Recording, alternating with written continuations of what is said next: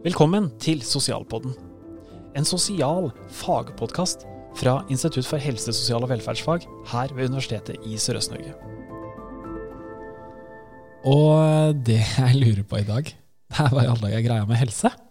Eh, for helse, det, det er et sånt begrep eh, i vernepleierutdanninga og sikkert i mange andre utdanninger. Eh, så, så, kommer fort studenten inn på eh, at de skal skrive noe om helse. Om det er helsefremmende, om det er helseforebyggende, om det er helsetiltak, om det er helse et eller annet. Og så skriver de en, en definisjon av helse. Og, og, da er det fort inn på noe, eh, Verdens helseorganisasjon av helse som sier at noe sånt. Og, men den, i denne episoden skal vi liksom tror jeg, håper jeg. Vi skal gå hakket videre og se hva kan påvirke helse, hvordan kan vi forstå helse. Og med for å hjelpe oss i det har vi Susanne Hagen. Hei. Hei. Hei, Steinar. Du kan masse om helse, du. Ja, og jeg syns du hadde en fantastisk sånn intro til hva er helse. Og så sier du ja, det kan være det eller det, og det er jo noe Verdens helseorganisasjon har definert. Ja. Det var det jeg tenkte du skulle si. Ja. Og det har de jo. Og i de fleste profesjonsutdanningene våre så blir vi jo kjent med den definisjonen som Verdens helseorganisasjon har på helse. Og særlig, i hvert fall når jeg tok profesjonsutdanninga mi, så lærte jeg at å, den definisjonen fungerer jo ikke, den er jo helt utopisk. Ja. Men det er den ikke. Den er den ikke. Og det er det vi skal lære om i dag. Det skal vi lære om i dag. Jeg skal gjøre Verdens helseorganisasjons definisjon for helse eh, praktisk og brukbar for dere, da. Praktisk og brukbar. Da, da, da har vi satt uh, målsettinga. Skal se om vi kommer dit. Men hvis vi bare spoler kjapt tilbake igjen. Du sa din profesjonsutdanning. Eh, Susanne Hage, du er sykepleier, da? Ja, jeg er SIB. SIB, det, det vet jeg ikke hva er. Sykepleier i bånd. Sykepleier i bånd, Så bra. Og så har du noe mer etter det? har du ikke det? Ja. Jeg har sykepleierutdanninger, og så har jeg samfunnsutdanning. Og så har jeg tatt en doktorgrad i sosiale ulikheter i helse. Så jeg veit litt om hvordan man kan forstå helse. Nettopp, for akkurat det, det var derfor vi fant ut at dette må vi prate litt om. For vi ble pratende om uh, doktorgradsarbeidet ditt. Uh, som kan du si bare veldig kort, Hva, hva handla det om? Helt sånn kort så lurte jeg på i doktorgradsarbeidet mitt på om norske kommuner bidrar til å skape god helse, gode og lange liv til de som bor i kommunene. Ja, og da hadde du først god helse. Ja god helse. Og det er det vi skal snakke om i dag. Nei, vi skal ikke snakke om god helse, vi skal snakke om hvordan kan man forstå helse. Ja. Og så skal vi litt inn på hva påvirker helse, og hva er sosiale ulikheter i helse, og hvordan kan vi redusere dem. Mm. Det er målet. For å starte, da, da, har vi, da, har du en bakgrunn for å tenke på helse. Jeg har en liten assosiasjon til helsebiten, hva som har fått meg interessert i i hva er helse. Eh, det er fra, eh, fra Jeg jobba tidligere i et, eh, hva skal si, et typisk bofellesskap. Og så prata vi Det var en del sånn snufsing og sånt i, i, arbeidsmiljøet en periode. Og så var det noen, var det noen som spurte meg du Steinar, er, du, er du frisk? Uh, og så uh, sa jeg nei, jeg har, er litt snufsete. Uh, så, så, nei, jeg er litt forkjøla, tror jeg svarte. Og så ble det en sånn greie der, der de begynte å prate rundt bordet da, om de var friske eller syke. Og, og nå, nå, kan det jo høres litt sånn krast ut å si, men, men, alle de som satt rundt det bordet, hadde jo hver av sine diagnoser. Så, så ut ifra en måte å se på helse på, så kunne du sagt at alle de var på en måte syke. Men det var ingen ut av de som satt rundt det bordet som tenkte på seg selv som syke. Eh, for alle de var jo enige at nei, de var egentlig rimelig friske, og noen hadde også vært litt syke forrige uke. Men nå var de, nå var de friske. Ja, og det du mm, liksom på en måte løfter nå, da, eller det du beskriver nå, det tar oss rett inn i helse og helsebegrepet, hvordan vi forstår det. Mm. Vi pleier å kalle helse som begrep for et sensitiverende begrep. Det betyr at det kan legges ulike forståelser til begrepet. Mm. Og det du også fortalte litt om nå, det er at ofte så kan vi forstå helse i en sånn klassisk medisinsk tradisjon. Ja. Som ofte vi kaller for noe som heter dikotom, at det er liksom enten det ene eller det andre. Og da forstår vi det ofte som syk eller frisk. Ja, For, da er du enten syk eller frisk, og hvis du er syk, så kan du få noe for det, og så blir du frisk. Ja, det er en sånn logikk som ligger i, kanskje i den medisinske tradisjonen. da. Mm.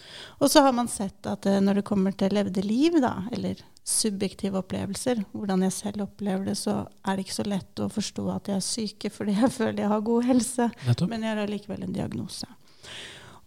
Så uh, man kan uh, møte eller forstå helsebegrepet ulikt, og noen har ønska seg noen ganger vekk fra den tradisjonelle medisinske måten syk eller frisk Mm. Og det er der jeg tenker at vi liksom kan gå litt tilbake til Verdens helseorganisasjons definisjon. Fordi selv om den virker litt sånn utopisk, fordi den har begrepet 'fullstendig' i seg ikke Ja, sant? Skal Kan, vi lese den? kan vi ikke ta en definisjon her? Eh, rett etter krigen så definerte jo Verdens helseorganisasjon helse til å være ikke bare fravær av sykdom, men en tilstand av fullstendig fysisk, psykisk og sosialt velbefinnende. Og, og ofte så har vi liksom Hvem har en fullstendig opplevelse av noe? Det, det er det som ofte har liksom vært litt sånn vanskelig å forstå i den definisjonen. Ja. Men det er ikke det jeg er opptatt av. Jeg er opptatt av at den definisjonen den anerkjenner at eh, mennesket består av ulike dimensjoner, og at den sosiale dimensjonen har stor betydning. Fordi den legger på en måte grunnlagsforståelsen for helse også til en kollektiv betydning. Ja. Det sosiale, det fysiske ved oss, det psykologiske og det sosiale. Mm. Det har en, sånn, en helhetlig tilnærming. Men Verdens helseorganisasjon har også definert helse eh, videre i andre typer år. Og i 1977 så prøvde de seg på en definisjon som også handla om at eh, helse handler om å ha økonomiske, produktive liv. Mm. Og så, i 1986, så sa de noe om at helse er en ressurs til å leve gode liv Mm. til å leve livet. Og at man skal være opptatt av å kunne settes i stand til å ta kontroll over faktorer som påvirker livet ditt. Mm. I sum så handler det her om at uh, helsedefinisjonen sier noe om at det samfunnet, eller det samfunnet vi lever i, skaper betingelser for den helsa vi har. Følger du meg? Jo, absolutt. Så, så det er ikke bare jeg som er ansvarlig for min egen helse, men det er, det er et kollektivt ansvar? Er det det? Ja, fordi vi på helsa vår er bestemt, eller handler om, mange dimensjoner, også det som kan relateres til samfunnet. Mm. Og vi kaller ofte den forståelsen her for en sosial helsemodellforståelse. Mm. Og den handler om at den helsa vi har, er et produkt av det samfunnet vi lever i. Det betyr at det strukturer vi er i? Samfunnet Mm. Samfunnet er et uttrykk for strukturer. Det har betydning for helsa. Mm. Så da kommer vi over til hva påvirker helse. Mm. Og jo, det vil si Da vil jeg bruke et litt sånn, eh, litt sånn tungt begrep. Jo, det som påvirker helse, er sosiale helsedeterminanter. Vi pleier på norsk å kalle det for påvirkningsfaktorer. Ja, hva betyr det? Jo, det betyr det at eh, i samfunnets ulike samfunnsområder skjer det ting som vi veit påvirker helsa vår. Blant annet utdanningspolitikken vår, Mm. Uh, tilganger vi har til å ta utdanning, vil påvirke, påvirke helsa vår. Fordi i den sosiale helsemodellen så vil ulike faktorer i samfunnet spille tilbake på hvordan jeg erfarer helsa mi, og hvordan du erfarer helsa di. Mm. Det betyr at som ofte så tenker vi at det, det er livsstilen som påvirker helsa vår. Ja, livsstil, vi har hørt om livsstil, livsstilssykdommer. er det sånn det første jeg tenkte. Det er livsstil. Ja, og det, og det henger jo sammen med tanken om at livsstil påvirker helsa vår, og den gjør jo det. Ja. Ikke sant? I forhold til hva spiser vi, trener vi, tar vi rusmidler? Ja, you name it. Men i den sosiale helsemodellen så tenker vi at eh, ting henger sammen i et større bilde. Og da tenker man at den livsstilen vi har, er igjen påvirka av det samfunnet eller de betingelsene vi lever under. Og da betyr det faktisk at eh, det sosiale nettverket påvirker oss. Ikke sant? Fordi vi lærer ofte av hverandre, eller vi påvirkes gjennom subkultur. Eller. Mm. Men det handler også om at eh, det lokalsamfunnet vi lever i, da, nabolaget vårt, eller, og faktisk kommunen vår. Nett, nettopp, så, så du kan si at noen som lever på én side av en by, kan ha en annen eh, en, en bedre eller mulighet da, for, for å ha bedre helse enn en noen som bor i en annen bydel i samme by, f.eks., men at det også er forskjell fra kommune til kommune. Ja, og det, sånn er det faktisk. Og ofte så har vi hørt sånn klassisk øst-vest-problematikk. Men man veit i store byer f.eks. så er når man estimerer, eller sånn, eh, prøver å regne ut forventa levealder, så finner man faktisk forskjell i forventa levealder, ofte mellom øst og vest. Men det fins sånn i forhold til kommuner òg. Visste du i Norge at det er opptil ti års forskjell i forventa levealder for menn fra én kommune til en annen kommune i Norge? Mm. Det er litt rart. Ja, ja det, er, det, er, rimelig mye, og når det skal da, for det er noe du finner igjen i statistikken. Og, og da, da, er det jo da er det ikke bare individuell variasjon. Da kan man ikke si at nei, det er bare den ene, det er bare Ole eh, som gjør gode, sunne valg. Eh, det, det er, liksom i, er det da noe i kommunen? Eh, så, som, hva, hvilke faktorer i kommunen er det da som påvirker at, en, at det er flere som lever lenger? Det at man på en måte eh, finner de forskjellene, og at det, det, på en måte manifesterer seg, eller at det, det framtrer en forskjell, det tenker man seg ofte handler om hvordan man utformer hvis vi kan kalle det politikk, ikke lokalpolitikk, men hvordan man utformer de betingelsene man lever under i forskjellige kommuner. Mm. Og det relaterer seg ofte til Det kan jo tenkes at uh, en helsetjeneste i en kommune er litt annerledes enn i en annen. Mm. Det kan jo hende at en kommune har litt bedre økonomi og har satsa på noen type velferdstjenester uh, uh, enn en annen. Det kan også hende at uh, en kommune bevisst har uh, valgt å fokusere på småbarnsfamilier f.eks., eller seniortiltak for å lage liksom, gode og trygge liv, eller uh, teknologi for å skape mer nabolagstrygghet, f.eks. Så det relaterer seg til da, hvordan man utformer samfunnspolitikken sin. Du, nevnte mange forskjellige typer tiltak eller, eller faktorer som kan påvirke det. Er, det. er, det. lett å finne en sammenheng der? Det, det, for meg i mitt hode så er det jo vanvittig mange mennesker, og det er veldig mange ting en kommune gjør. Eh, hvordan er det å liksom finne korrelasjonen, sammenhengen mellom at nei, dette tiltaket i denne kommunen førte til at etterpå så kan vi se at mennesker levde lengre? Det er jo vanvittig tidsspennende i tillegg.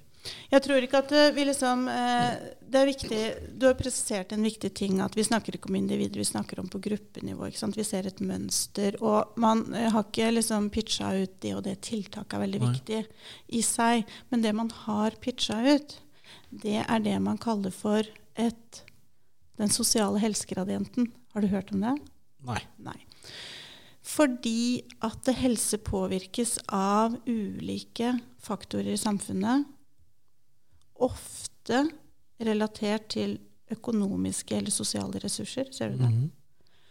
Så har man sett det at uh, sosiale og økonomiske ressurser, tilgang på de, de har en sammenheng med hvor lenge du har forventa levealder, eller hvordan du beskriver din egen helseopplevelse. Mm. Følger du meg? Ja.